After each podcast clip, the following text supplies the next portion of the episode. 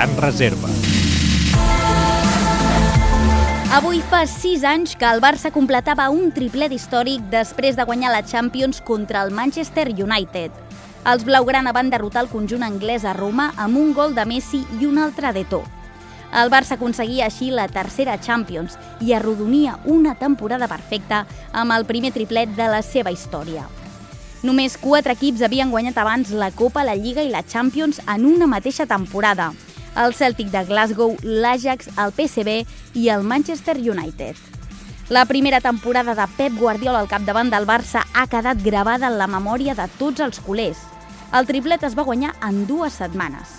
El 10 de maig el Barça empatava contra el Villarreal i es coronava campió de Lliga en quedar a 9 punts del Madrid. Tres dies després es van imposar l'Atlètic de Bilbao a la final de la Copa del Rei a Mestalla i el 27 de maig completaven el triplet històric en la final de la Champions a Roma.